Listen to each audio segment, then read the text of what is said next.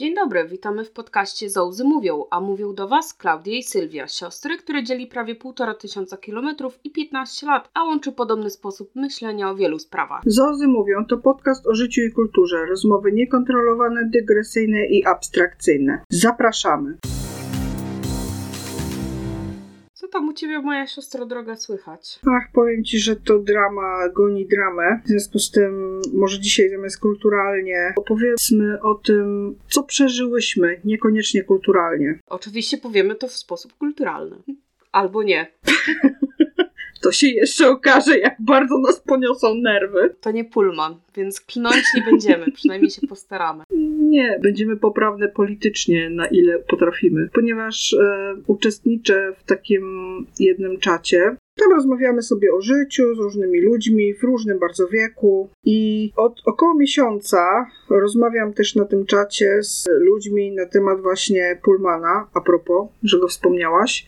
I na tym też czacie nasz słuchacz, e, którego tutaj już dwukrotnie wspominałyśmy, postanowił, że on będzie czytał tego Pullmana, tak jak e, takie wyzwanie mu dałyśmy w e, odcinku szóstym i on stwierdził, że będzie czytał tego Pullmana i no i czyta. Wszyscy są żywo zainteresowani, uczestnicy czatu jak mu idzie, więc on na bieżąco jakby swoje zdanie objawia. Kibicujemy mu mocno.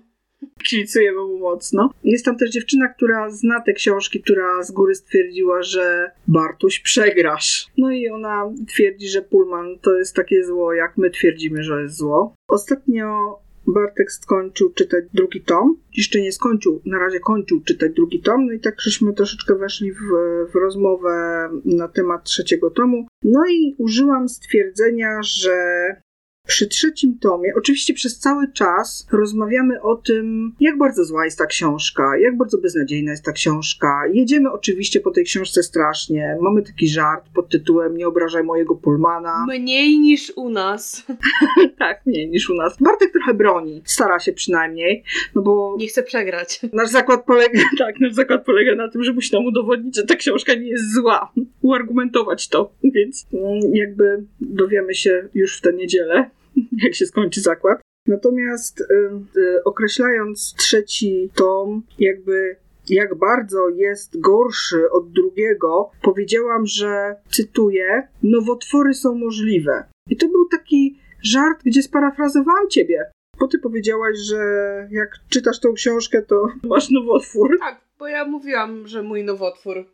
Który się odzywa i musisz robić przerwy, bo ta książka jest tak zła. Natomiast to, jak ten żart został przyjęty, no który ewidentnie był żartem, bo rozmawialiśmy o tej książce i cały czas była mowa, że jest zła, zła, gorsza, najgorsza. I nagle rzuciłam takie słowa, gdzie w ogóle nie spodziewałam się, że może to zostać przyjęte w sposób jakiś negatywny. Myślałam, że wszyscy powiedzą, a ha, ha, ha, ha, no to faktycznie musi być bardzo zła i przejdziemy na tym do porządku dziennego i zagłębimy się w innych sprawach życiowych. Natomiast nie. Zostało to przyjęte ze strasznym bólem dupy i wszyscy zgodnie stwierdzili, że to nie jest temat do żartów i chciałam dzisiaj porozmawiać o tym, jak to właściwie jest z tymi żartami, które mogą być dla niektórych przykre. Ty rozmawiasz z osobą, która do dziś ma zapisane, wybrane żarty o Żydach. Więc nie wiem, czy powinnyśmy o tym rozmawiać, bo ja mam zerową wrażliwość na takie rzeczy.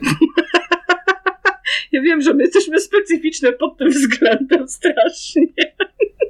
Ale nie, może dobra, odejdźmy od innych tematów. Skupmy się na tym jednym, na raku, tak? Na raku, na nowotworach, bo odnoszę wrażenie, że w mediach ogólnie przyjętych, ale też w życiu występuje pewna ekskluzywność. Rozmawiać i żartować na dane tematy, żartować sucho albo żartować niesłucho mogą tylko i wyłącznie osoby, które mają z tym do czynienia, miały z tym do czynienia, najlepiej bezpośrednio, ale jak pośrednio, na zasadzie ktoś był w rodzinie chory i taka osoba sobie zażartuje, to jest jeszcze postrzegane jako okej. Niekoniecznie. Może żartować, bo zna temat. A jak już ktoś nie miał żadnego doświadczenia w tym temacie, to no co ty, jak możesz w ogóle rozmawiać na ten temat? Ja czuję się urażony, urażona. No ale wiesz co, no niekoniecznie, bo to jeżeli ktoś miał, nie wiem, wujka, który chorował na nowotwór, to nie znaczy, że jakkolwiek ten temat zna. Ale umówmy się, w dzisiejszych czasach yy, to jest tak, że każdy w rodzinie miał kogoś. No wskaż mi jedną rodzinę swoich znajomych, o których wiesz jakby bliższe rzeczy, którzy nie mieli w rodzinie nikogo chorego na raka. Bo ja takich nie znam. Zawsze ktoś. No ja znam. No to super, to mają świetne Ale geny. no,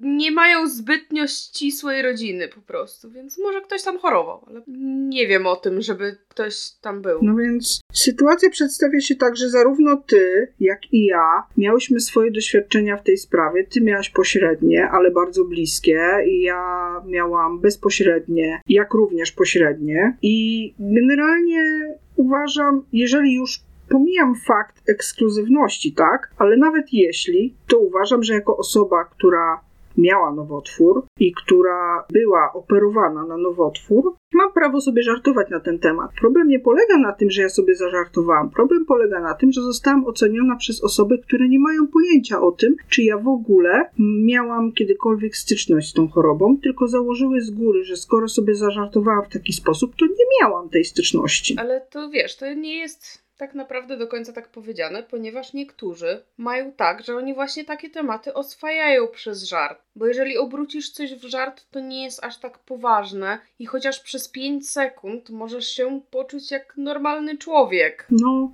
tak. I to nie jest wyśmiewanie w momencie, kiedy ktoś mówi Boże stary, ja umieram na nowotwór, a ty mu mówisz haha, ha, he, he, he, nowotwór. Fantastycznie. To nie, nie, nie, to tak nie działa. Super po prostu. Tylko to jest czasami takie odwrócenie uwagi albo takie wykorzystanie informacji, które się ma, żeby zrobić sobie taki prywatny żarcik pomiędzy dwoma osobami. No dokładnie. Ja rozumiem, dlaczego ktoś może uważać, że to jest nieodpowiednie, bo żyjemy w takich nienormalnych czasach, kiedy krzywo się na kogoś spojrzysz i uważany jesteś za, nie wiem, nietolerancyjną osobę, za rasistę, za osobę, która jest tylko za heteronormatyzmem i w ogóle jesteś szowinistą i świnią i umrzeć. O mój Boże. Ale no z drugiej strony nie popadajmy ze skrajności w skrajność, bo w pewnym momencie będzie jak na tym komiksie, który ostatnio wrzucił taki jeden amerykański komik na swojego Instagrama, gdzie był komik zamknięty, taki stand-upowiec zamknięty za szybą w muzeum i dziecko się pytało rodzica, tato, kto to jest? A na to ojciec mu odpowiedział, że to jest osoba zajmująca się komedią. Komedia, synku, to jest takie coś, co wymarło w okolicach 2020, bo wszyscy zaczęli mieć ból dupy. Nie popadajmy ze skrajności w skrajność. No, dokładnie. Dokładnie, to właśnie o to chodzi. Ale to dokładnie tak samo jest z osobami, które mają jakieś choroby. I nawet nie chodzi o choroby w sensie fizycznym, ale choroby psychiczne, które mają naprawdę bardzo szeroki wachlarz. I można być na coś chorym, to nie ma żadnych objawów na co dzień i na przykład osoby, z którymi się stykasz, mogą nie wiedzieć, albo mogą nie pamiętać, bo nie objawiasz tego na co dzień, tak? I jakby wiadomo, że w dzisiejszym świecie żyje się szybko. Myśli się szybko, mówi się szybko, nie ma jakby czasu na większą, głębszą refleksję. Bywa, że jest taki czas, ale raczej rzadko. I zdarza się tak, że na przykład mówisz do takiej osoby żartem coś na temat chorób psychicznych, albo nawet nie chodzi o żart, tylko w rozmowie jest użyte to jako argument do czegokolwiek. Nie w sensie obraźliwym, tylko po prostu. Jako argument, no bo wynika to z rozmowy na przykład. Tak, no niektórzy reagują negatywnie, jak powiesz, stary, nie chce mi się wychodzić z domu, bo mam depresję. No, na przykład. Na przykład w kontekście, nie wiem, jest jesień i mam jesienną depresję. No tak teoretycznie powinno się mówić jesienna handra, tak? I wtedy już ktoś po prostu jest obrażony, no bo jak ty możesz sobie tak mówić, że masz depresję, jak nie masz depresji? Skąd możesz wiedzieć, co to znaczy mieć depresję? I w ogóle nie masz pojęcia, jak czuje się osoba z depresją. Czy wiesz co, ja bardziej to już rozumiem, jeżeli chodzi o choroby psychiczne, bo to są mimo wszystko choroby, które do dzisiaj tak naprawdę są traktowane po macoszemu, tak? No to jest prawda akurat. Bo są traktowane jako mniej poważne, jako tak naprawdę... E, bo tak, ty sobie tam wymyślasz, że masz chorobę, mimo tego, że na przykład masz zdiagnozowane coś, więc okej, okay, to jestem już w stanie bardziej zrozumieć. Ale serio? Rak?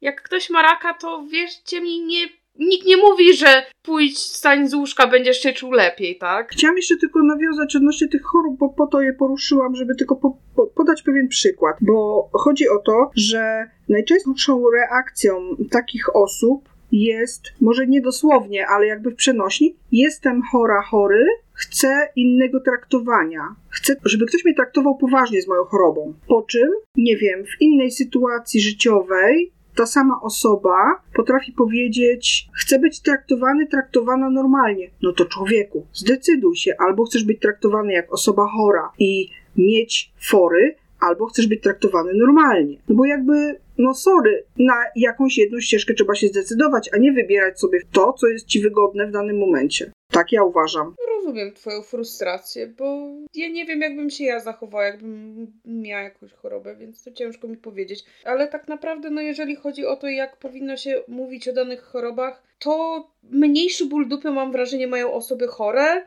Jeżeli ty to potraktujesz jako żart w sytuacji, w której no po prostu jest to żart, tak? I wszyscy sobie siedzimy i żartujemy, niż osoby, które nie mają, nie miały z tym bliskiej styczności. No, dokładnie. Mimo wszystko. No ja miałam na przykład taką sytuację, że moja przyjaciółka bardzo bliska była chora i pamiętam, ja pisałam jakieś opowiadanie z, z moją znajomą ze studiów i do niej napisałam z takim, że ej, słuchaj, mam głównego bohatera. Ona mówi, weź, nie chcę, ten dupek, nie będę tego ci sprawdzać. A ja mówię, nie, nie, ja go potrzebuję zabić na nowotwór.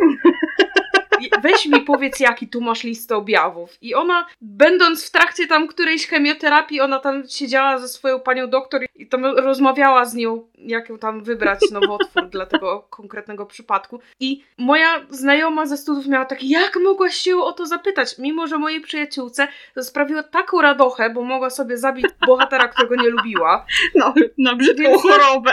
Szczerze, to na brzydką chorobę, z którą sama w tym momencie walczyła, więc no nie róbmy z żartów i z każdego żartu tak naprawdę demonizacji tego, że o Boże, nie mamy szacunku do niczego. No dokładnie. Bo nie do wszystkiego zawsze trzeba mieć szacunek i czasami trzeba do czegoś podejść z dystansem. I też jest o tym chyba nawet jakiś tam dział w literaturze, który się zajmuje tym, że niektóre doświadczenia są tak traumatyczne i tak okropne, że ludzie obracają je w żart tylko i wyłącznie dlatego, żeby je oswoić poprzez żart. No więc właśnie. Bo to może być metoda oswojenia czegoś. I w ogóle możesz teraz wypowiedzieć się, jak bardzo byłam oburzona i jak do ciebie napisałam, jak złożyczyłam przez pół godziny na ludzi, że jak mogą mieć ból dupy.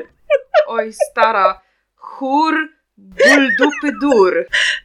bardzo, bardzo mnie to ruszyło po prostu. Najbardziej mnie po prostu wkurzyło to, że zostałam oceniona za to, że powiedziałam żart bez wiedzy tych ludzi na temat tego, czy w ogóle przeżyłam coś takiego, czy nie przeżyłam. No bo jakby to jest taki czat ogólny, tam nie znamy swoich głębokich historii tak naprawdę, tak? A to się zdarzyło w moim życiu 25 lat temu, 30 lat temu, więc generalnie kupę czasu temu i okej. Okay. Boże, ale stara jesteś. dziękuję, dziękuję. Nie ma za co. Czekałam, aż wreszcie mi to wypomnisz. W każdym razie okej, okay, no miałam, nie, to nie było 30 lat temu, dobra, miałam 20 lat wtedy. No, przesadziłaś trochę, dlatego się z tego śmieję. Było 20 lat temu. w każdym razie, no miałam 20 lat i dowiedziałam się, że wycinek poszedł do badania histopatologicznego i jeżeli okaże się, że jest to złośliwa odmiana raka, to wtedy dają mi pół roku życia, no. Mi 20 lat i dowiedz się o takich rzeczach. Także, no, no wiem. Powiem ci, że są też takie wersje, że masz 20 lat, coś idzie do histopatologii, a potem dowiadujesz się, ale pani ma taki fajny nowotwór, tylko pół roku chemii z głowy. A potem się to ciągnie. ciągnie no. Trzy lata? A nie cztery? Trzy. No. Trzy. no. W każdym razie tak. No nie powiem, żeby to było miłe uczucie, że zostałam oceniona za coś, co powiedziałam, co tak naprawdę dajmy na wstrzymanie. To nie było jakoś specjalnie obraźliwe, tak? Dla nikogo. Ja nie wyzywałam nikogo, że abyś dostał raka. Ale stara, je, mojego jednego kolegę za żarty o gejach zrąbano, to chyba nawet go profesor podsłuchał i zrąbał go na studiach za żarty o gejach. I on mówi takie, jak panu nie wstyd? I co, jak pana syn przyjdzie i powie panu, że jest gejem. Na co mój znajomy się odezwał, że to byłoby, panie profesorze, ciężkie, bo ja jestem gejem i nie planuję mieć syna. Także zastanówmy się czasami, czy warto kogoś oskarżać o coś, jak nie znamy całej jego historii. Dokładnie tak. Dobra, może zmieńmy temat na bardziej pozytywny. No, mamy taki pozytywny, że bardziej się nie dało. Dzisiaj mamy odcinek na temat pozytywnego myślenia. I czy moce kosmiczne są z nami? I czekaj, jaki to było, co tam jeszcze było na ten temat? Jezus, ja nie pamiętam, jaki mamy temat, to jest straszne. No, pozytywne myślenie. Bardzo pozytywne myślenie. Nie, czekaj, ja przeczytam, bo to jest kuriozum. Kosmos jako inteligentna forma, czy może wpływać na nasze życie? Myślnik pozytywne myślenie. Jedziesz. Kto to wymyślał? Ja. Jedziesz z kosmosem. Okej. Okay. To dlaczego ja mam jechać? To twój temat. No, bo ty masz notatki, a ja idę na żywca. Dlaczego to ja zawsze jestem bardziej przygotowana? Bo ty masz więcej czasu. Nie masz życia czy coś. Nie, no ja nie mam czasu. Nie, ja wiem, bo ty pracujesz w domu, masz home office. A, tak, okej, okay, dobra, to to, tak. A ja muszę wychodzić z domu i mnie nie ma całymi dniami, więc jakby... Also w pracy dzisiaj też siedziałam z iPadem, więc pozdrawiamy. Oj tam. O, raz. Od kiedy? Co? Od dwóch miesięcy, trzech? Pierwszy no, raz od byłam kiedy? od, no, z dwóch miesięcy. No.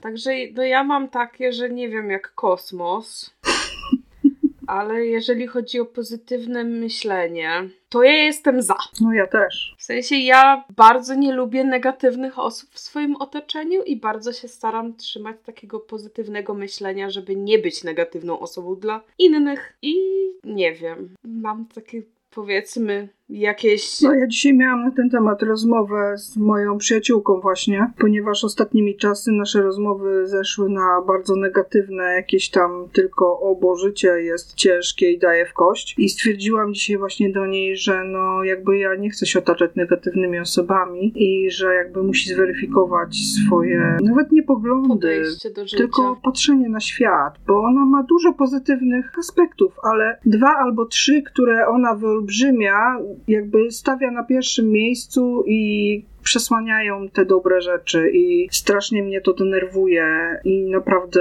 no nie lubię negatywnych osób w swoim otoczeniu. Bardzo. Rozwiodłam się z jedną z negatywnych osób, więc... Tak, to ja mam taki ogólne podejście, że raczej jak mam okres, że się otaczam negatywnością, to jest bardzo źle i raczej wtedy się staram innym nie przeszkadzać za bardzo, żeby nie matować tym do ich życia. Chociaż zazwyczaj raczej stosuję to, że sobie odwracam uwagę od tego, jakie życie jest paskudne. I skoro jest paskudne i mi nie podoba się, to trzeba sobie znaleźć jakiś tadam, tadam, tadam, tadam cel w życiu. Albo inny cel niż do tej pory. Albo zmienić trochę obecny, owszem. Tak. I ten cel w życiu, jak ostatnio tam gdzieś poczytałam sobie, to może być jakikolwiek cel. To nie musi być wynajdę lekarstwo na raka. To nie musi być zaprojektuję najładniejszą grę na Steamie. To może być będę miłą osobą w biurze i będę sprawiać przyjemność swoim towarzystwem innym osobom. To fajne. Tak? Albo będę miłą osobą dla ludzi na kasie w Biedronce. Żeby raz w ciągu dnia na przykład mieli po prostu spotkanie z kimś, kto mimo tego, że widać na jego twarzy, że jest zmęczony i styrany życiem, i tak ma siłę się uśmiechnąć i powiedzieć dziękuję pani, bo to jest miłe i czasami to potrafi zrobić dzień. Powiem ci, że ja tutaj spotykam się z tym na co dzień. Ludzie, którzy pracują gdzieś tam na kasie w sklepie, czy kierowcy w autobusach są generalnie mili. I to jest dla mnie zaskoczenie, dlatego że w Polsce no, ciężko spotkać osobę, która jest po prostu miła, która się uśmiechnie, która zapyta, jak tam mija dzień. Jasne, Część z tych osób na pewno robi to mechanicznie, ale spotkałam się z wieloma takimi osobami, które mówią to i faktycznie pytają i czekają na odpowiedź. I chcą wiedzieć, czy miałam miły dzień na przykład. I to jest dla mnie naprawdę to, jak tu przyjechałam, to było dla mnie totalne zaskoczenie. Tutaj człowiek potrafi podejść na ulicy i powiedzieć, że podoba mu się to, w jaki sposób jesteś ubrany. Albo babki mnie zaczepiały i mówiły, że mam fajną torebkę. Albo, że nie wiem, ostatnio jechałam pociągiem do pracy, weszłam na stację i babka, która siedziała, w ogóle miałam słuchawki na uszach, w ogóle nie patrzyłam na otoczenie, w ogóle byłam taka w swoim świecie. I babka pomachała ręką do mnie, która siedziała na ławce, więc zdjęłam słuchawki, żeby dowiedzieć się, czego chce. Myślałam, że może będzie pytać o godzinę albo coś. No a ona powiedziała, że ale pani dzisiaj pięknie wygląda. I ja się zorientowałam w tym momencie, że ja ją widuję raz na jakiś czas na tej stacji. Nie super regularnie, ale jakby kojarzę gościówkę z twarzy i ona też mnie musi widywać w takim razie raz na jakiś czas na tej stacji i skojarzyła, że dzisiaj wyglądam lepiej niż zwykle i mi powiedziała komplement. Obca osoba, Naprawdę, pierwszy raz w życiu rozmawiałyśmy w ogóle. Pewnie gdyby się nie odezwała, to nawet by mnie nie skojarzyła, że ją widuję na tej stacji. I to było tak miłe i tak sympatyczne i to było takie właśnie pozytywne. I powiem Ci, to było z samego rana, przed pracą i potem miałam taki bardzo, bardzo sympatyczny dzień. Naprawdę humor mi się na cały dzień poprawił. I to nie kosztuje. To jest fajne. No i to nie kosztuje przecież, tak? Jeżeli coś Ci się podoba, po prostu powiedz to, że ktoś wygląda fajnie, że ktoś mówi coś fajnego. Naprawdę poprawiasz ludziom humor bez żadnych kosztów. Tak, no ja to staram się wprowadzać. Też y, dużo osób dyskutowało o tym, Uśmiechasz się do ludzi na ulicy? Zawsze. I bardzo dużo teraz o tym ludzi dyskutowało, no bo nosi się maseczki. Mhm. Nie widać dolnej połowy twarzy. Nie, tu na ulicy się nie nosi maseczek. Znaczy nie jest to obowiązkowe. To u nas też się na ulicy już nie nosi, ale na przykład w tramwaju czy coś, No tak. trzeba te maseczki mieć w sklepie na przykład. Tak. Właśnie ja się uśmiecham do ludzi, więc ja na przykład uśmiecham się do sprzedawczyń w sklepie. Nawet jeżeli mam bardzo zły dzień, to staram się uśmiechnąć, podziękować za ich pracę, cokolwiek. Musisz sobie przezroczystą maseczkę kupić. I po prostu miałam takie, że dużo ludzi się zastanawiało, czy to, że oni się na przykład uśmiechają, to nie jest coś wyuczonego, czy to jest ich wewnętrzna potrzeba. Ja mam takie, że ja doszłam do wniosku, że to jest dla mnie wewnętrzna potrzeba, bo ja się uśmiecham nawet jeżeli mojej połowy twarzy nie widać. Ale ja mam to samo. Też w sklepach się właśnie uśmiecham. Do kierowców w, w autobusach się uśmiecham, kiedy wchodzę, to już mam maseczkę na twarzy, więc też tego nie widzę. Tak, i to jest takie przyzwyczajenie. Z drugiej strony może to jest też kwestia pracowania w obsłudze klienta, bo ja naprawdę wiem, jak trudni potrafią być klienci. Oj tak, ja też. Więc jeżeli ja mogę komuś poprawić humor trochę byciem dla niego miłym za coś, czego najpewniej, nawet jeżeli składasz reklamację, to nie ten pracownik zrobił. To ktoś tam wyżej, albo w ogóle ktoś gdzie indziej. A zdarzyło ci się kiedyś właśnie składać reklamację i nie wiem, nerwy cię poniosły? Nie. I ta osoba, która przyjmowała reklamację, dostała od ciebie jakiś okrzan? Yy, raz mi się zdarzyło na kogoś nakrzyczeć przez zupełny przypadek. Na zasadzie kupowałam bilet miesięczny w Poznaniu i uruchamiałam bilet miesięczny na swojej karcie Urban Card, która mimo tego, że miałam wklepaną tam zniżkę, to tej zniżki nie łapała i tylko chciała mi sprzedawać droższe bilety. Mhm. Więc y, poszłam, dałam pani tą Urban Card, dałam pani legitymację i pani mówi, że o, faktycznie nie jest wklepana. Wklepała mi tą zniżkę i ja mówię, a mogę od razu kupić bilet? I ona mówi, tak, to poproszę kartę. Ja miałam takie, no przecież pani trzyma. No ale to było druг z jej strony, wydaje mi się. Po prostu. Tak, z mojej strony to też był odruch, ale byłam po prostu zirytowana. Oczywiście ją przeprosiłam później, że przepraszam, nie chciałam na panią nakrzyczeć. Po prostu stresujący dzień, a jeszcze to był punkt, w którym zawsze była taka, w sensie tam we wszystkich punktach była zawsze taka kolejka, że można było przyjść o 6 rano i być 15. Okej. Raz nakrzyczałam, ale przeprosiłam. Raczej na nikogo nie, nie krzyczę. Staram się być uprzejma. Kiedyś zrobiłam dzień jakiejś pani w sklepie, bo e, zamiast wklepać, że mam pięć bananów, wklepałam, że mam pięć kiści. I okazało się, że moje pięć bananów kosztuje 60 zł. O matko, to drogie banany stosunkowo. Miałam takie, dude, to chyba nie te banany.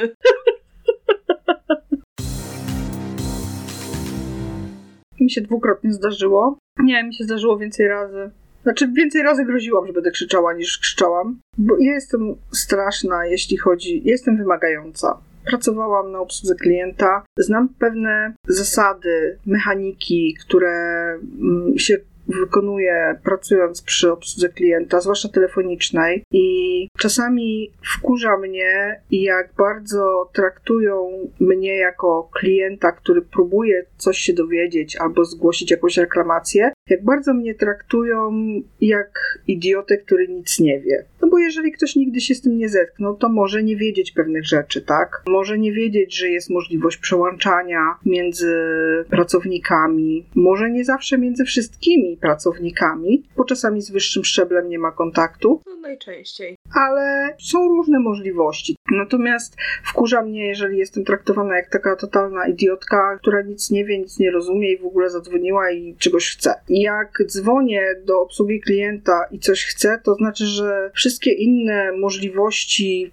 jakby prostsze zostały przeze mnie już wykorzystane i teraz już chcę, żeby mi człowiek pomógł, bo już se sama nie umiem pomóc. Taka sytuacja była, jak miałam konto w e, jednym banku i tam nie było kodów. To było jeszcze w czasie, kiedy nie było aplikacji na telefon. Tam nie było kodów takich jednorazowych, ani takich, które przychodziły SMS-em, ani takich zdrapywanych, jak w niektórych bankach. Tam było uwierzytelnienie na konkretnym komputerze. Jakiś certyfikat czy coś, już nie pamiętam. W każdym razie to było tak, że było to przypisane do konkretnego sprzętu. No pamiętam. Więc jeżeli miałam taki certyfikat na komputerze stacjonarnym, dajmy na to, we Wrocławiu, gdzie mieszkałam i pojechałam do naszej mamy 100 km dalej, to okazuje się, że nie mogłam wykonać przelewu. Mogłam wejść na to konto, mogłam podejrzeć sobie, co na tym koncie się dzieje, natomiast nie mogłam wykonać przelewu, ponieważ do przelewu był konieczny komputer z certyfikatem. Ja wtedy nie zdawałam sobie sprawy z tego, że mogłam wcześniej przed wyjazdem poprosić o duplikat tego certyfikatu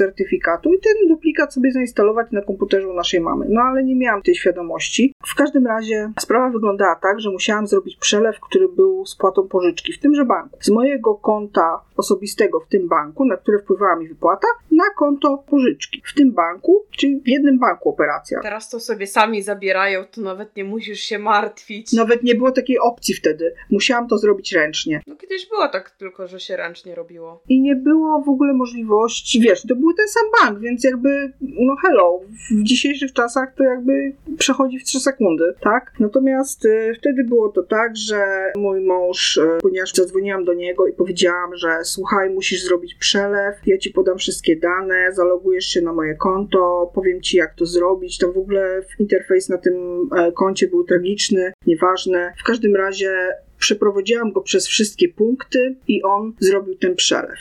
To było jakieś 4 dni przed terminem, bo to miałam tak ustawione, że zaraz przed tym dostawałam wypłatę, więc dostałam wypłatę, zadzwoniłam do niego, zrobił mi ten przelew. Godzina była, nie wiem, późna, bo on wtedy pracował na dwa etaty i wychodził z domu o 6 rano, wracał do domu o 22.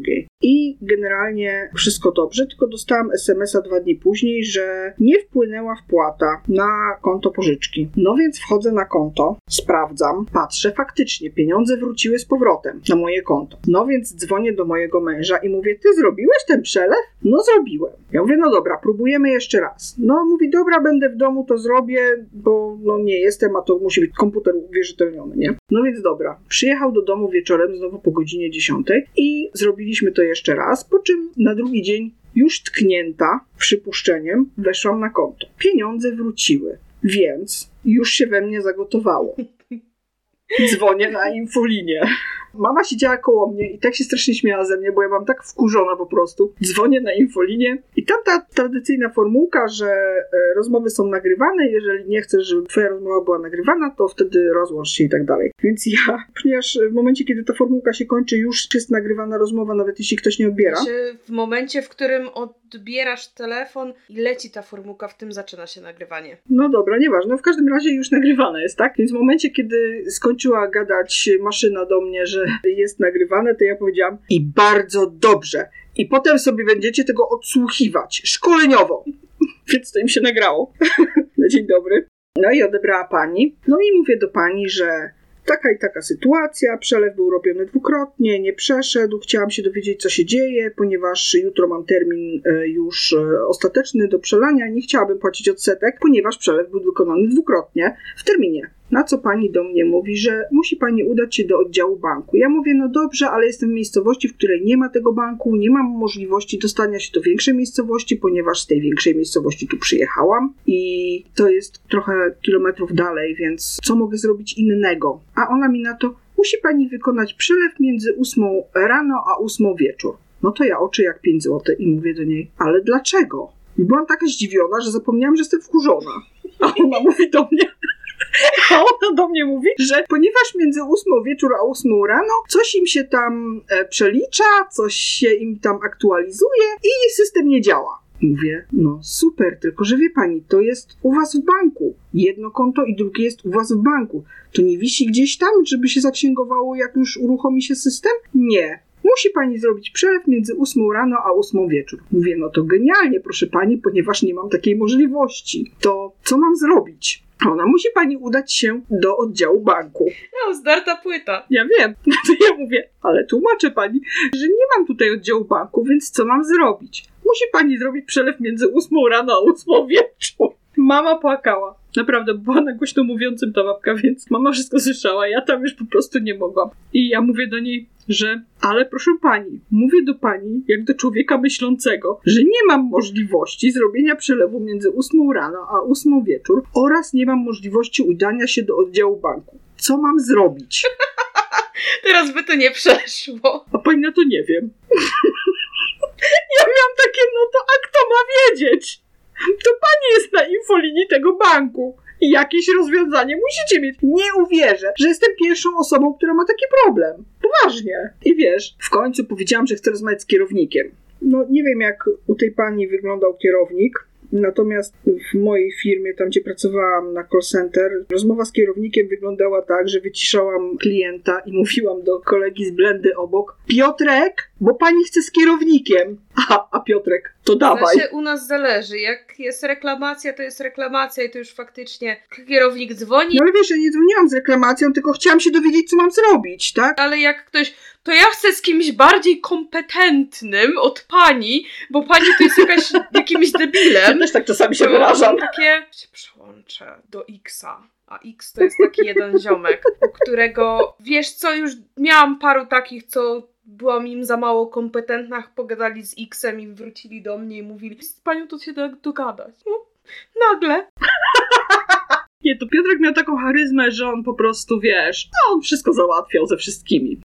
Nie wiem w każdym razie, czy to tak wyglądało wtedy u tej pani w tym banku. Natomiast y, no, dostałam, zostałam przełączona do jednego pana. No i pan jednak okazał się bardziej kompetentny, ponieważ wyjaśniłam mu całą sytuację, łącznie z tym, że powiedziałam, że ta pani chyba jakaś słabo rozumna jest, bo nie rozumie, co do niej mówię. No i poradził mi tam, co mam zrobić, jak mam zrobić. Przedłużył mi po prostu termin, spytał, kiedy będę w domu i przedłużył mi termin e, płatności do momentu, kiedy wiedziałam już, że na 100% będę, będę mogła zrobić między 8 rano a 8 wieczór przelew, co mnie cały czas dziwi do dzisiaj, a to było kupę lat temu. No, w każdym razie to był ten pierwszy raz, kiedy byłam tak wkurzona, jak dzwoniłam, że mama coś tam zwijała na tym krześle po prostu ze śmiechu ze mnie, a ja do tej pani jak do debila po prostu, ale nie mogę, co mam zrobić? Natomiast raz też nie nakrzyczałam tak naprawdę, tylko rozmowę zaczęłam od słów, że ja wiem, że to pani nie jest winna temu i pani absolutnie nie miała z tym nic wspólnego, ale muszę na kimś się wyżyć i padło na panią. Już nie pamiętam, co to była za sytuacja, natomiast pamiętam, że pani strasznie się zaczęła śmiać w tym momencie i przeprosiła mnie za to, że się śmieje i w ogóle rozładowała tym śmiechem, bo mi, bo mi przeszło, nie wiem, w tym momencie, jak ona się zaczęła śmiać. No cóż. I miałam takie, no dobra, jak ona się śmieje, to już nie będę na nią krzyczeć. Więc też na nią nie nakrzyczałam. Nie, ja, ja jestem mistrzem składania reklamacji w sposób tak uprzejmy, że się wszyscy boją, że ja jestem tym takim tajemniczym klientem, który przychodzi i autentycznie to, ile razy ja miałam taką sytuację, że po prostu wszyscy trzęsą portkami, jak ja składam reklamację, co mi się nie zdarza zbyt często na szczęście wszyscy się zachowują tak słodko pierdząco, to mam takie. Ja nie jestem tajemniczym klientem. Ale mogłabym być. Ale mogłabym być i w ogóle nigdy w życiu na przykład nie dostałam w McDonaldzie frytek, które były już zrobione. Jak masz dobrze. W sensie, że mieli nastawione frytki, że się robiły. Ja zamawiałam coś tam i dosta- ja zawsze dostaję po prostu, że oni te frytki wysypują, nastawiają świeże, ja zosta- zawsze dostaję z tej świeżej paczki. Po prostu groźnie wyglądasz. Mam takie, nie rozumiem, tamte były już gotowe, dajcie mi, śpieszy mi się.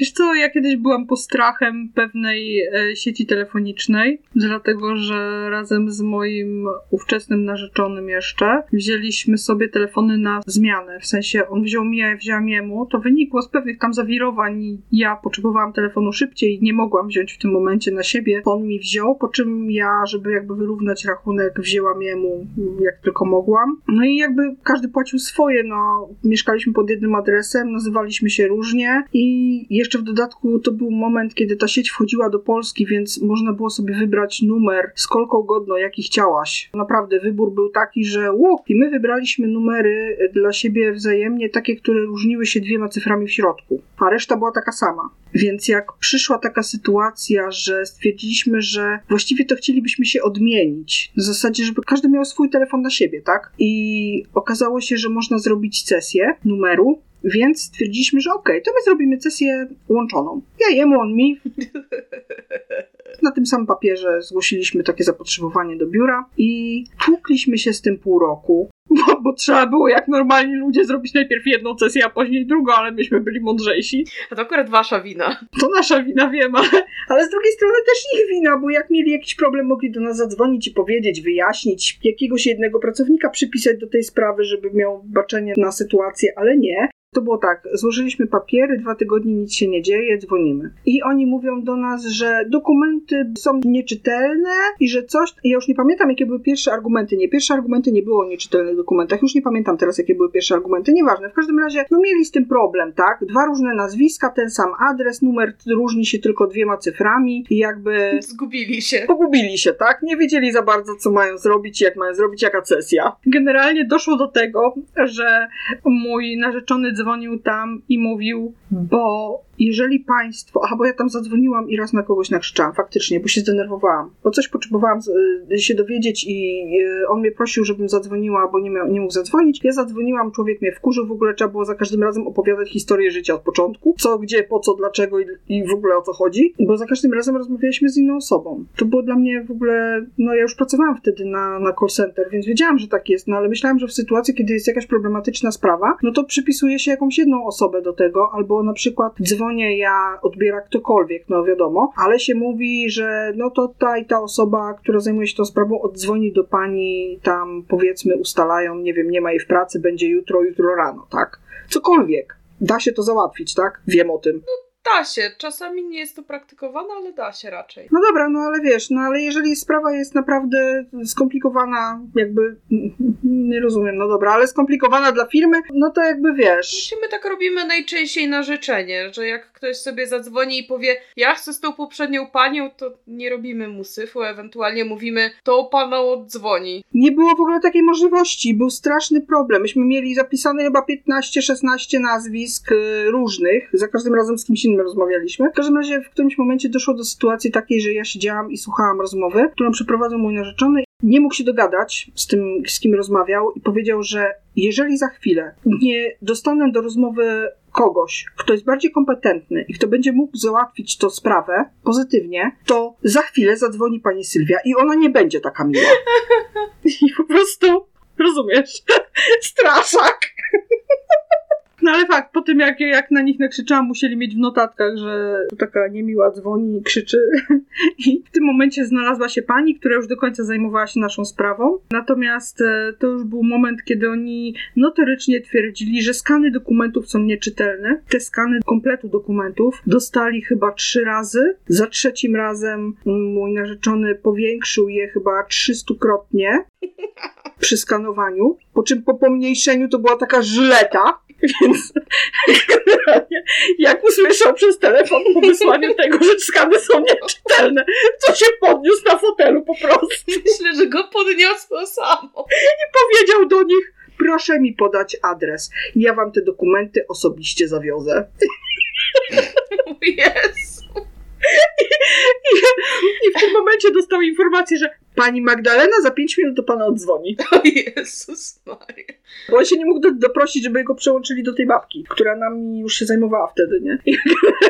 No była rzeźnia, powiem ci, naprawdę. Pół roku się biliśmy z tym, no ale jakoś tam wyszło i udało się wreszcie. Także stara, od znajdywania celu w życiu przeszłyśmy do sytuacji, w których byliśmy chamskie dla ludzi. Ej, ja nie byłam hamska, to on mną straszył ludzi. Wymagające, przepraszam. Ej, płacę wymagam, o co chodzi.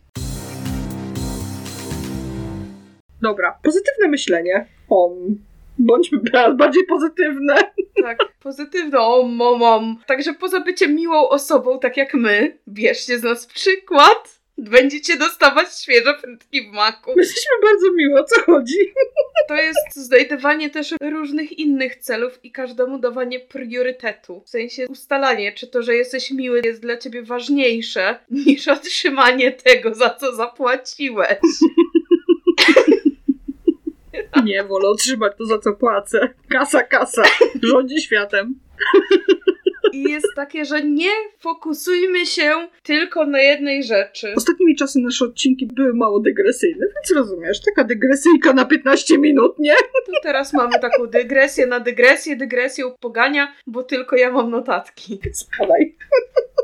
W każdym razie kolejnym punktem jest nie skupianie się tylko na jednej rzeczy w swoim życiu, ponieważ później może dojść do tego, że na przykład ta rzecz się skończy. No. Nie wiem, no na przykład studia się kończą, praca w danej firmie się kończy, bo na przykład firma się zamyka, albo zmieniasz pracę i może to bardzo być mocno frustrujące, no bo trafisz na taki koniec i nagle masz takie, ale co ja mam ze sobą zrobić? Wiesz co, ja tak mam po przeczytaniu książki, jak się skończy. A była dobra. Że też nie wiem, co mam ze sobą zrobić. Ja się tak czasami mam po takich jakichś mniejszych rzeczach, no ale to wiesz, to jest takie chwilowe. A jak skończy ci się jakiś ważny rozdział w życiu i masz nagle takie, wow, i co teraz? To ja wtedy mam 15 tysięcy planów nowych, które muszę wcierać w życie i nie mam czasu na to, żeby się To ja zastanawiać. nie, to ja bardziej mam takie, że o Jezu, ja teraz muszę coś wybrać, ale kolejne jakieś decyzje, ale ja nie chcę w decyzję, mamo.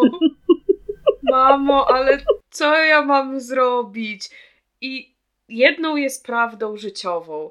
Jeżeli powiesz, mamo, co ja mam zrobić, albo nie wiem, siostro, co ja mam zrobić, albo ktokolwiek, przyjaciółki się zapytasz, żółwia na przykład hodujesz, jeśli się go pytasz, i z opcji A lub B ktoś ci wybierze opcję A, To ty B będzie nagle bardziej atrakcyjna. zawsze. Mhm. Zawsze. Wiem, bo zawsze mi to robisz. Czy mam zjeść zupę grzybową, czy spaghetti? Zjedz spaghetti. Dzwonisz do mnie i pytasz, co masz zjeść i zawsze wybierasz tą drugą rzecz, to ja ci powiem. Potrzebowałam zdecydować, czego nie chcę dzisiaj jeść. I zawsze się ciebie pytam, to po co do mnie dzwonisz? Bo potrzebowałam, żeby mi ktoś powiedział, że ja tam tego nie chcę jeść. Okej.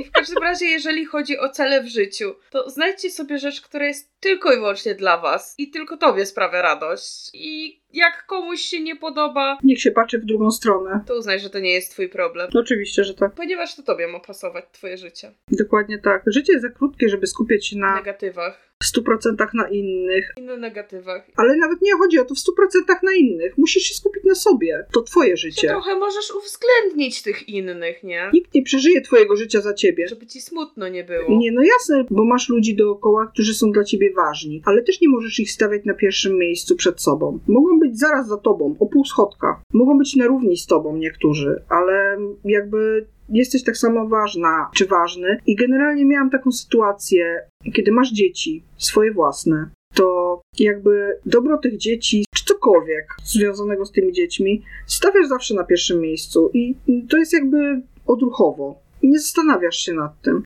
Zdarzyła mi się taka sytuacja, że poszłam z przyjaciółką do galerii na ciuchy, kupić sobie coś i wyszłam z całą torbą rzeczy dla dzieci, sobie nie kupiłam nic. I to jest przykład, jak nie należy To robić. jest frustrujące na dłuższą metę. No dobrze, co tam jeszcze masz? Motywacja. Motywacja. To, co ja robię, robię dla siebie przede wszystkim. I to ja mam być z tego zadowolona. Dokładnie tak. Ale są różne rzeczy, które różnie motywują. Mhm. W sensie na przykład puzzle lubię układać, bo lubię układać puzzle, a nie dlatego, że chcę wiedzieć, jaki jest obrazek. W sensie wiem, jaki jest obrazek. Widziałam pudełko. Lubię układać puzzle. Ja też. Ale na przykład coś robię dla widocznego rezultatu. Czyli na przykład, nie wiem, Podcast robimy dla widocznych rezultatów. Liczymy na. lubię po prostu robić podcast. Nie, nie, nie. Liczymy na lajki, liczymy na to, że będziemy super sławne, bogate i w ogóle celebryty. Tak. I będziemy mogły wrzucać zdjęcia nowych tipsów co tydzień. Moje będą nudne. Będzie no nowy róż i no nowy róż, ale Spadaj to mój neonowy róż. Myślisz, że jak se raz pomalowałaś, to ja ci pozwolę zatrzymać. kupię sobie. Aha, okej. Powiedziałam żonie, że kupię. W każdym razie czasami robię rzeczy dla widocznego rezultatu. Na przykład, nie wiem, książkę piszę, bo chciałabym ją napisać i chciałabym wiedzieć, co jest dalej. To też jest jakiś rezultat. Chciałabyś ją wydać i zobaczyć, czy się będzie podobać? Też. Powiem ci, że ja piszę dlatego, że muszę. Czuję wewnętrzną potrzebę tego, żeby pisać. Natomiast od jakiegoś czasu jednym z motywatorów, dla których piszę, jest też to, jak odczytują to ludzie, bo zauważyłam, że ludziom się podoba to, co piszę. Ja wiem, że moja książka się podoba, bo generalnie jeszcze nie usłyszałam na jej temat złych opinii z tych osób, którym wysyłałam, a to nie wszystkie osoby były jakoś super blisko ze mną związane. Czyli nie mi. Ale ty chcesz taką niedokończoną? No czemu nie? No bo nie wiem, bo może... To nie, ty dobra, dobra, nie, nie mam czasu teraz. No właśnie. Jak będę miała czas, to się zgłoszę. Właśnie, poza tym nie, to wiesz, to jest poważne, że to powiem, trzeba oddać się sztuce. Dobra, okej. Wiem, bo czasem robisz ankietę na zasadzie, jak zachowałby się bohater. I mam takie, dobra, coś wiem, ale nic. Tak, ja czasami robię ankiety w taki bardzo zawoalowany sposób, albo wrzucam jakiś opis z dupy i mam takie, czy to brzmi jak? Tak, to mi robisz częściej, bo takie jakieś pytania na, na zasadzie, jak zachowałby się bohater. I potem mi na przykład mówisz, no, bo ta opcja jest najbardziej popularna, nie? I mam takie, Jezu, o czym ty piszesz właściwie? Ale to i tak później wychodzi na swoje. To w sensie, to ja nie wiem po co ja tą ankietę robiłam, bo doszłam do tego momentu. Bo ty ją robiłaś jakoś super dużo i- wcześniej. I ta ankieta miała w dupie cokolwiek. Niepotrzebnie ją robiłaś tyle wcześniej. Nie, bo ja miałam takie, że nie wiem, która opcja do mnie bardziej przemawia, a potem stwierdziłam, że po co ja właściwie robię te ankiety, skoro i tak bohaterowie zrobią po swojemu i w ogóle oczywiście, że miałam tak. od samego początku pomysł na głównego bohatera i na wydarzenia z prawie samego końca książki. Teraz prawdopodobnie do nich nie wyjdzie, ponieważ tak się po- potoczyło, że po prostu on stwierdził, że e, wiesz co, pamiętasz tę historyjkę, co ci opowiedziałem na początku, jak się poznaliśmy? Żartowałem! He, he, he, he, he. No, Also, tak jest. bardzo jestem pod wrażeniem swojego pisania, ponieważ jestem naprawdę skrajnym introwertykiem. Mnie męczą ludzie, bardzo. Niewychodzenie z domu jest najlepszą rzeczą, która mi się w tym roku przydarzyła. Jest cudownie. Niech się nie kończy. A moja postać jest tak skrajnym ekstrawertykiem, że ja mam takie skąd ty się urwałeś, chłopie? Z choinki. On by las przecież rozniósł. Dobra, dobra. Pozwolenie sobie na chwilę wolnego. Wytłumacz. To jest ważne. W jaki sposób to motywuje? żeby móc zrobić sobie dzień, kiedy nie musisz robić nic. O Boże, chciałabym. Kiedy, nie wiem, możesz posiedzieć sobie godzinę pod prysznicem na przykład. Popykać w gierkę na telefonie. Głupią. Popykać w gierkę na telefonie. Taką najgłupszą pod tytułem wyskakiwała mi ta reklama od dwóch tygodni, muszę ją ściągnąć, bo ta gra jest tak głupia, że chcę. Hej, ja teraz mam inteligentną grę. Tak, ja teraz gram w nonogram, więc też mam inteligentną grę. Ja układam słówka po angielsku. Ale mam takie, że to jest fajne, bo wtedy te rzeczy, które robisz dla samej siebie, mogą ci się wydać potem atrakcyjniejsze. Tak. Na zasadzie nie chce mi się oglądać seriali, no to nie oglądaj, to poczytaj książkę. To Dokładnie. pograj w grę. To pograj w grę na komputerze. Ja mam tyle aktywności, takich poza jakby tym, co muszę, tylko takie właśnie dla przyjemności, że jak czasami jak mam wolny dzień, to leżę na kanapie czy na łóżku i tak się zastanawiam dłuższą chwilę, za co się wziąć, bo właściwie to wszystko naraz bym zrobiła, ale nie da się. I muszę priorytetyzować wtedy, co jest dla mnie najfajniejsze w tym momencie. Ale to też jest takie, że jeżeli na przykład, no nie wiem, piszesz, no nie wiem, czy jest ktoś taki, kto tylko i wyłącznie pisze dla profitów, a nie dlatego, że lubi pisać. No w ogóle nie wiem, czy. Chyba nie. No jest. To. No, Remigiusz Mróz. Ale on chce mieć masło, on lubi masło po prostu. Nie słyszałaś? Ale wiesz co? Myślę, że stać go na masło już teraz. Ale może on chce mieć basen masła. A już wanna nie! Trzeba sobie stawiać cele w życie. Kurde, jaki burżuj. Czytałam dzisiaj na profilu Kuby Ćwieka recenzję najnowszej książki Mroza i spłakałam się ze śmiechu, więc polecam. O Boże, Ćwiek wrzucił nową recenzję Mroza. Nie polecam książki, polecam recenzję. Przeczytaj koniecznie, popłakałam się naprawdę. Tak, pozdrawiamy Ćwieka. Pan Random zrobi nam zdjęcie. Lubimy Kubę, tak. Kiedyś siedziałyśmy za nim na polkonie. Bardzo. Nie? To myśmy, myśmy za nim bezpośrednio siedziały, nie? Nie wiem. Nie pamiętasz? Nie, nie wiem, o którym momencie Polkonu mówisz. O którymś tam, nieważne. Nieważne. Tam było dużo W momentów. każdym razie Piękny był ten moment, kiedy weszłyśmy do sali i ktoś wstał z miejsca i powiedział, oto miejsca pań, bo myśmy zawsze siedziały na tych samych tak, i miejscach. miałyśmy takie, ojej, zajęte, pójdziemy do rzędu dalej i ludzie przyszli, zerwali swoje rzeczy, mieli takie, o mój Boże, zajęliśmy wam miejsce, Boże, przepraszamy. I takie, co?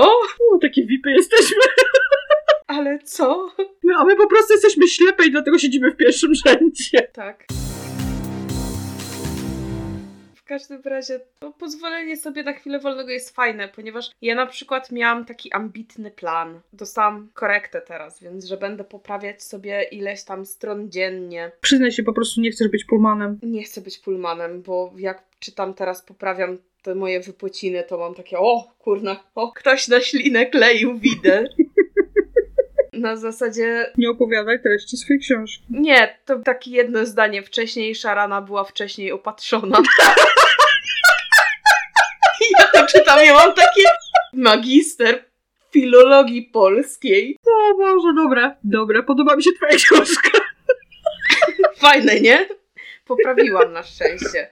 Mi się trochę styl zmienił, bo ta książka jest już parę lat pisana, więc trochę musiałam to wygładzić. Ale no na początku miałam takie bardzo dużo takich krótkich zdań, jakbym się, nie wiem, bała przecinków, A nie. albo bała spójników, albo nie wiem, bała litery I, Też spójnik, więc no, generalnie poprawiłam trochę.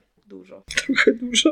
Na razie mi to trochę wolno idzie, ale no miałam taki ambitny plan, że będę ileś tam stron dziennie poprawiać i w niedzielę jak wróciłam z wyjazdu, to miałam takie mam ochotę robić nic i oglądać filmy, które już widziałam na Netflixie.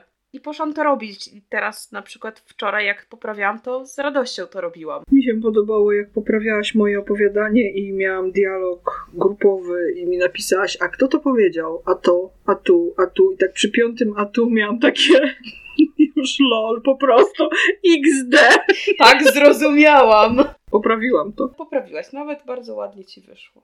Dziękuję bardzo. Dialogi grupowe są ciężkie. Tak, ale muszę się nauczyć, bo ja tego nigdy wcześniej nie robiłam. Ja w ogóle bardzo długo pisałam bardzo takie proste, liniowe, bardzo, wiesz, z małą ilością bohaterów. To jest moje pierwsze opowiadanie, gdzie jest tyle ludzi i każdy chce coś powiedzieć i każdy powinien coś powiedzieć. Każdy powinien mieć jakiś chociaż minimalny wątek i generalnie coś tam powinno się dziać i najlepiej, żeby przeszli jakąś drogę i w ogóle próbuję ogarnąć te wszystkie rzeczy naraz, a to jest tylko opowiadanie fanfic. Niektórzy sobie Excela robią.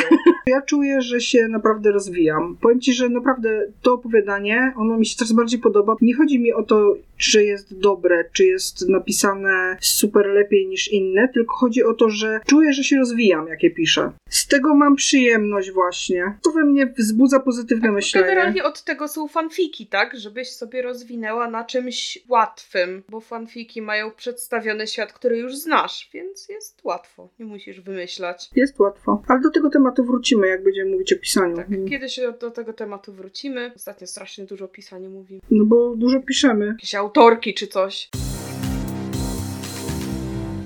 Dobrze, skąd wziąć pozytywne nastawienie? Cieszenie się z małych rzeczy. Na przykład wypicie kakałka i zjedzenie ciastka jest dobre. Mhm. Podkradnięcie kostki czekolady. To, że mogę pójść do lodówki i wyciągnąć sobie czekoladkę. Jest dobre. A potem okryć, że czekoladka mnie Szukała. oszukała i wcale nie była milką i trzeba zjeść drugą. Dokładnie. Tym razem prawdziwą milkę. Dokładnie tak. Skupić się na robieniu rzeczy punkt po punkcie. Myślę, że do tego wrócimy, jak będziemy mówić o planowaniu. Myślę, że tak. Ale to jest dobre, bo po pierwsze, bo ja to napisałam. A po drugie, dlatego, że. Co za skromność! Bardzo. Dlatego to jest fajne, no bo czasami jak sobie myślisz, jak masz plan na coś i myślisz sobie, że musisz to zrealizować, to masz takie jen. Jak? Od czego zacząć? Gdzie zacząć? Po co zacząć? I w ogóle No to ja tak teraz mam. wszystko trzeba ogarnąć i dlaczego ja nie chcę, Tak. dlaczego ja muszę Tak. być dorosła i nie może ktoś za mną tego ogarnąć? Nie, inaczej. Nawet jeżeli chcę, to mam takie, mój Boże, taka szklana góra przede mną, ja się to mam wdrapać. I takie, nie, nawet nie to, że mi się nie chce, tylko po prostu przeraża mnie ilość tej pracy, którą trzeba wykonać. Trzeba dużo zrobić, a w ogóle to masło jest drogie. No właśnie. Jak, od czego zacząć? Więc warto zacząć po prostu od punktu pierwszego. Tak, najlepiej sobie to rozpisać w punktach i po prostu po kolei punkty wypełniać i dać sobie czas na to, żeby czerpać radość. To nie musi być maraton na zasadzie dzisiaj zaczynam, jutro kończę, a mam 50 punktów do ogarnięcia, tylko powoli. No niektóre rzeczy też zajmują czas. Tak, to raz, że zajmują czas, a też po drugie czasami trzeba czasu, żeby się oswoić z danym planem, z daną myślą, z danym, nie wiem, wydarzeniem i robienie czegoś. Fajne jest robienie spontaniczne rzeczy, ale robienie czegoś zaplanowanego moim zdaniem daje więcej fanu. Może dlatego, że masz poukładane w W głowie. sensie, no jak jesteś na to nastawiona, to wtedy masz takie, że już czasami nie możesz się doczekać, aż coś nastąpi. Mhm. To właśnie tak jest. Zrobić krok do tyłu, podsumować sobie to, co już się udało i docenić, co się ma. To ja tak robię sobie zawsze na koniec roku. Albo na przykład jak dopada mnie, nie wiem, depresyjny stan i myślę sobie, Boże, znów jest dziesiąty, a ja już się zastanawiam, które deski podłogowe wyglądają na smaczne, jak ja przeżyję do końca miesiąca. To wtedy mam takie kroczek do tyłu, patrzę, co mi się udało z mojego bieda pensji zgromadzić na przykład od początku roku i myślę sobie, ty, w sumie to tak wcale ten rok taki bieda nie jest. Jakoś dam radę. No bo nie jest, tylko przesadzasz. Masz skłonności do przesadzania w tej kwestii. Tak, wiem. Ja to mam ze skrajności w skrajność. Albo mam takie, Ostatnio że... to przeżyłam, jak zamawiałaś swoje fanko. I miałaś takie, żygałaś mi przez telefon przez dwie godziny, że Boże, jestem biedna, nie mam na fanko, jestem biedna. A potem jakby dałaś radę. Dałam radę. Więc wiesz. Także no tak, to czasami warto się cofnąć i stwierdzić, że e, w sumie to tak źle nie jest. No bo nie jest. Nie jest dobrze. Ale mogło być gorzej. Nie jest super, ale nie jest tragicznie. Tak, można cieszyć się z tego, że ma się na przykład dach nad głową. Tak. To jest zawsze pozytywne. To jest coś, nad czym się zastanawiam, czy będę miała już niedługo. Oj tam, oj tam. Jak wprowadzam drugi lockdown tutaj. To temat na inną okazję. Zobaczymy, czy będzie. Ja na przykład z dachu nad głową się najbardziej cieszę na jesień albo na zimę. Jak jest bardzo zły dzień, a ja mogę położyć się na swojej własnej kanapie, okryć swoim własnym kocykiem, włożyć stopy w swoje własne skarpetki. Aha, dobra. Wtedy mnie to cieszy bardziej, bo w lecie to jak jest mi za gorąco wszędzie, to w domu też mi jest za gorąco. To masz Zygmunta, czy jak mu tam? Zbyszka. Zbyszko. Wiedziałam, że coś na Z. Dobrze, co masz tam jeszcze? Pozwolić sobie na emocje. Jesteś emocjonalna? Nie, ale czasami jak mam zły dzień i czuję, że mam potrzebę sobie płakać, to idę oglądać na YouTube'a reklamy kotków z Whiskas. Pomaga? Świąteczne najbardziej.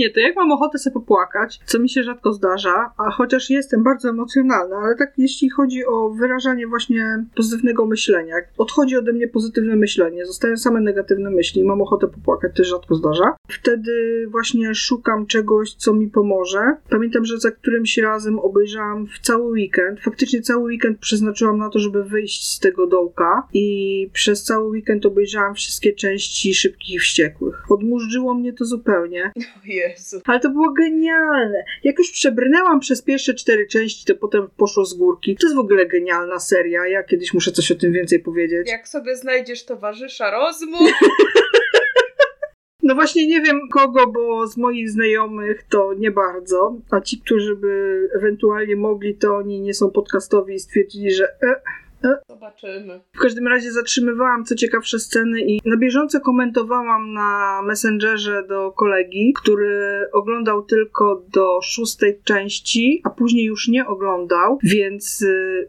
najpierw go zapytałam, czy ej, a będziesz oglądał dalej? A on na to mówi, że nie, ja chyba nie będę tego oglądał dalej, ale mogę ci spoilerować. Dobra, jedziesz z tymi spoilerami. No więc skomentowałam mu na bieżąco, co się dzieje na ekranie. Miałam z tego ubaw serdeczny, popłakałam się parę razy ze śmiechu, natomiast na koniec stwierdził, że wiesz co, zachęciłaś mnie, chyba obejrzę. Nie, to ja mam raczej w drugą stronę, że ja jak już mam takie negatywne emocje, to wolę sobie na czymś smutnym wypłakać. Ojej, przykro. Co prawda wykańcza mnie to emocjonalnie, jestem później nie do życia i nie chcę nikogo widzieć, ale zazwyczaj no jest to jeden po prostu wieczór, który poświęcę i następnego dnia już mam takie punkt ostatni, gorzej już być nie może. Okej, czyli wtedy już tylko odbijasz się od dna jest lepiej. Tak, już, już dobrnęłam do tego momentu, kiedy stara, ja naprawdę mam kreatywne myślenie, jeżeli chodzi o tragiczne historie, nad którymi można płakać.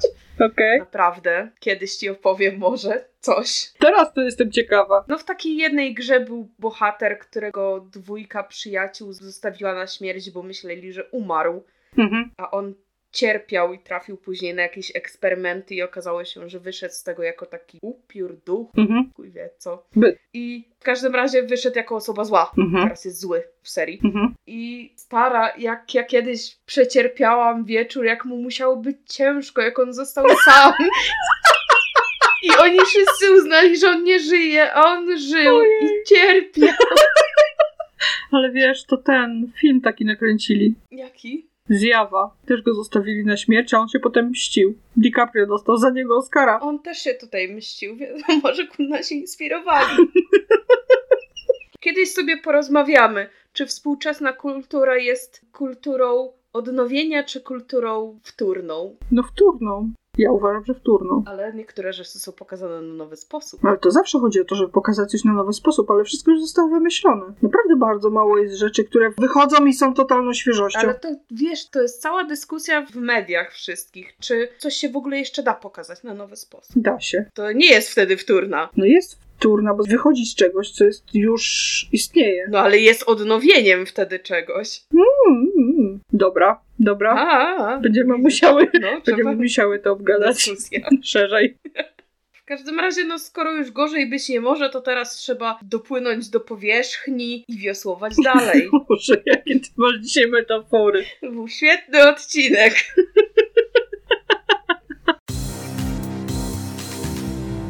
Ja tylko chciałam powrócić do naszego głównego tematu, czyli kosmos jako byt, który ma jakikolwiek wpływ. To się wzięło stąd, że czytałam książkę pod tytułem Sekret dawno, dawno temu, według której, jeśli chodzi o pozytywne myślenie, to jest tak, że jeżeli ty wysyłasz pozytywne myśli, czyli jesteś człowiekiem, który odpycha od siebie negatywne i myśli pozytywnie, to jakby wysyłasz te fale emocji w kosmos i kosmos oddaje ci to, co mu wysyłasz. Więc jeżeli jesteś negatywnym człowiekiem, który wysyła te negatywne emocje, no to wracają do ciebie zwielokrotnione negatywne emocje, które negatywnie wpływają na twoje życie. Na tej zasadzie, wiesz, im bardziej jesteś pozytywny, tym bardziej pozytywne rzeczy się dzieją w twoim życiu. I powiem ci, że to trochę działa. Nie wiem, jak bardzo jest to placebo, ale to trochę działa. Mój były mąż, który raczej nie jest pozytywną osobą, raczej był zawsze negatywnie nastawiony do życia, przeczytał tą książkę, bo go zmusiłam. Jestem strasznym człowiekiem. Książki każesz ludziom czytać. Zacznijmy od tego, że kazałam mu przeczytać w ogóle jakąkolwiek książkę.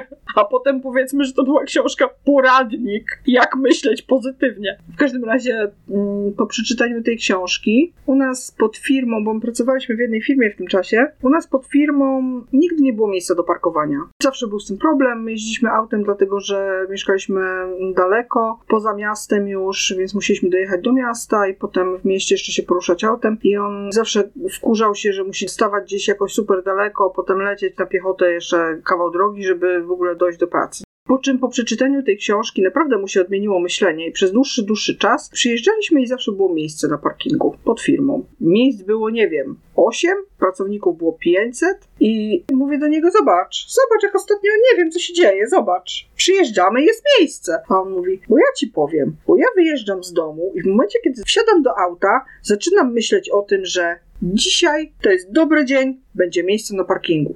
I całą drogę myślę o tym, że będzie miejsce na parkingu. I to miejsce na parkingu zawsze było. Poważnie. Czyli jakby coś w tym może jest.